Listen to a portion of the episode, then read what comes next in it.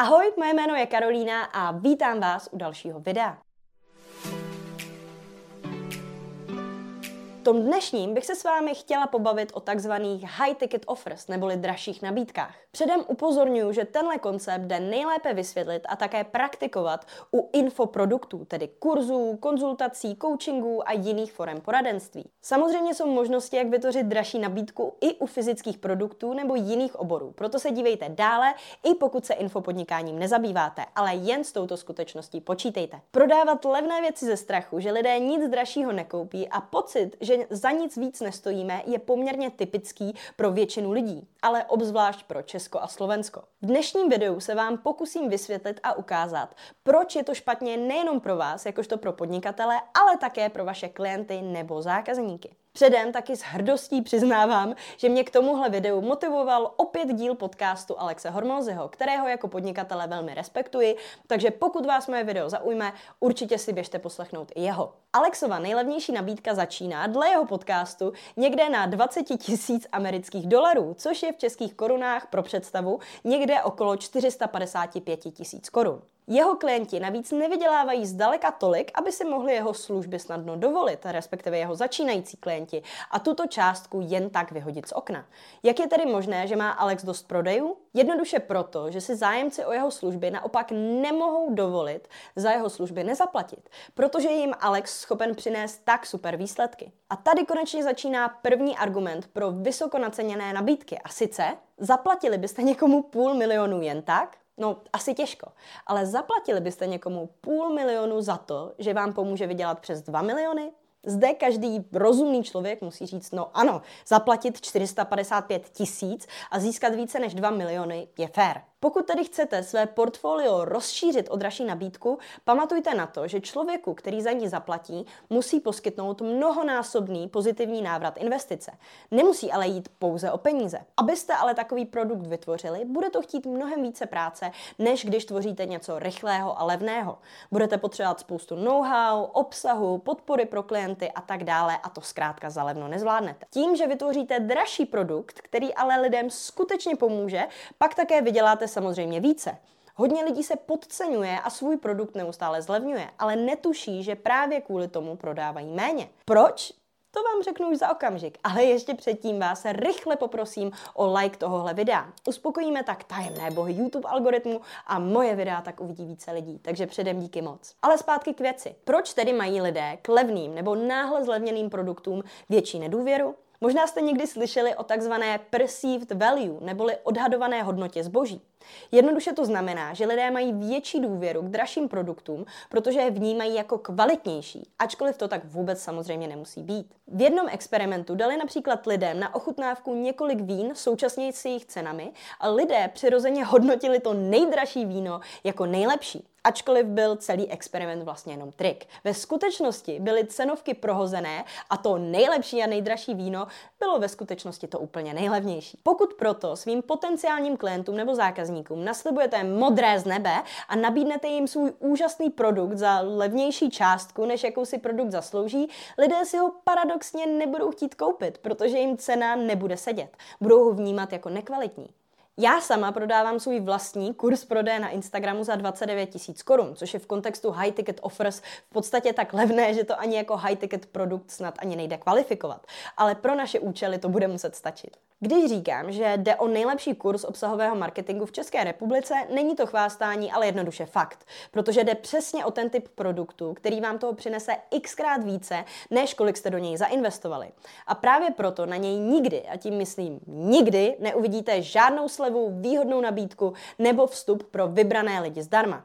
A doporučuji vám udělat to samé. Pojďme ale dál. Když se člověk takhle intenzivně věnuje jednomu produktu a udělá z něj to nejlepší, co je na trhu k dispozici, nemá samozřejmě čas věnovat se ostatním levnějším nabídkám, které jsou také potřeba. Nebo snad ne? Jeden kanál, jedno publikum, jeden produkt. Takový je návod na úspěch dle Alexe Hormozyho a já se jim řídím také a řídila jsem se jim i v dobách, kdy jsem Alexe ještě vůbec neznala. Ještě jednou. Jeden kanál, tedy například Instagram, jedno publikum, tedy vaše cílovka a vaši sledující a jeden produkt, tedy vaše high ticket offer neboli dražší nabídka. Nic jiného nepotřebujete. Nebudete tak tříštit svoji pozornost, ale vyprodukujete geniální produkt, který pomůže stovkám lidí. Nevytvoříte 15 nekvalitních věcí, ale pouze jednu extrémně kvalitní. Trik zkrátka není v tom vypouštět každý rok něco nového, ale ve vylepšování toho, co už máte natolik, že nebudete mít eventuálně žádnou konkurenci. Tím také vzniká takzvaný virtuous cycle, neboli ctnostný kruh. Co to znamená? No předpokládejme, že jsme všichni ctnostní lidé. Nechceme vraždit, krást ani nikým manipulovat. A já skutečně a možná trošku naivně předpokládám, že taková je většina z nás. Pokud máte tedy morální kompas takhle v pořádku, jak byste mohli prodávat produkt, který stojí za prd a ještě si za něj říct velké peníze? No nic takového prostě nejde. Jakmile ve svůj produkt nevěříte, neuvěří v něj ani klienti a nic neprodáte. Proto se neustále vylepšování vaší nabídky stane pohonem, který vás samotné bude jen dál a dál přesvědčovat o tom, že je váš produkt skutečně dobrý a kvalitní a vy ho tak s vysokým sebevědomím zvládnete také prodat. To je něco, co se prostě jen tak nestane, pokud místo toho vypouštíte tři levné rychlokvašky ročně, které ještě nemáte ani ověřené nebo otestované. A teď poslední výhoda dražších produktů, kterou moji klienti samozřejmě neradí slyší, ale je to pravda. A sice, čím vyšší cena, tím vyšší motivace produkt skutečně využít a dosáhnout nějakých výsledků. Pokud bych například já sama prodávala svůj kurz za tři stovky, koupilo by se ho spoustu lidí a v zápětí by na něj zapomnělo. Kolik máte doma například knížek, které jste si koupili, ale nikdy neotevřeli nebo nedočetli? Tohle je zkrátka normální. Nedali jste do dané věci dost peněz na to, aby to trošku zabolelo a abyste měli, jak se říká, skin in the game, aby zkrátka už o něco šlo. Funguje to tak, ale se vším a v praxi? Když se do svého vlastního kurzu prodeje na Instagramu přihlásím jako administrátor, mohu vidět, kolik procent mého kurzu jednotliví klienti viděli a za jak dlouhou dobu. A mohu vám s hrdostí potvrdit, že naprostá většina lidí, kteří si kurz koupí, ho také dokončí. To možná nezní jako takový úspěch, ale statisticky celosvětově online kurzy dokončí jen 6 až 12 účastníků. U mě je to přes 90% což je něco, co nechápou ani moji konkurenti. Svůj kurz jsem taky pár lidem zpřístupnila zadarmo, ačkoliv šlo samozřejmě jen o rodinu nebo kamarády. A mohu vám taky potvrdit, že ho ještě nikdo z nich nedokoukal a tak mi ty procenta kazí. Většina viděla teprve 20% a to mají kurz už od dubna 2022. Náhoda? Nemyslím si. Čím vyšší je cena vašeho produktu, tím více energie, času a úsilí do něj vaši klienti vloží. To už jsme si prokázali. Dalším benefitem je ale hlavně to, že díky tomu budou mít vaši klienti také větší šanci na to získat dobré výsledky, které způsobí, že budou nadšení a budou vás doporučovat kamarádům. Zamyslete se nad tím takhle. Jsou kurzy španělštiny podvod? Způsob, jak se obohatit na ostatních a nepředat jim žádnou hodnotu?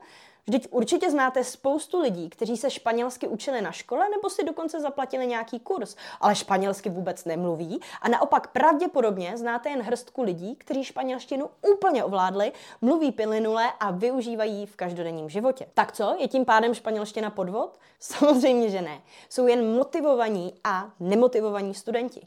Nemůžete ani pro svůj vlastní produkt plně namotivovat všechny.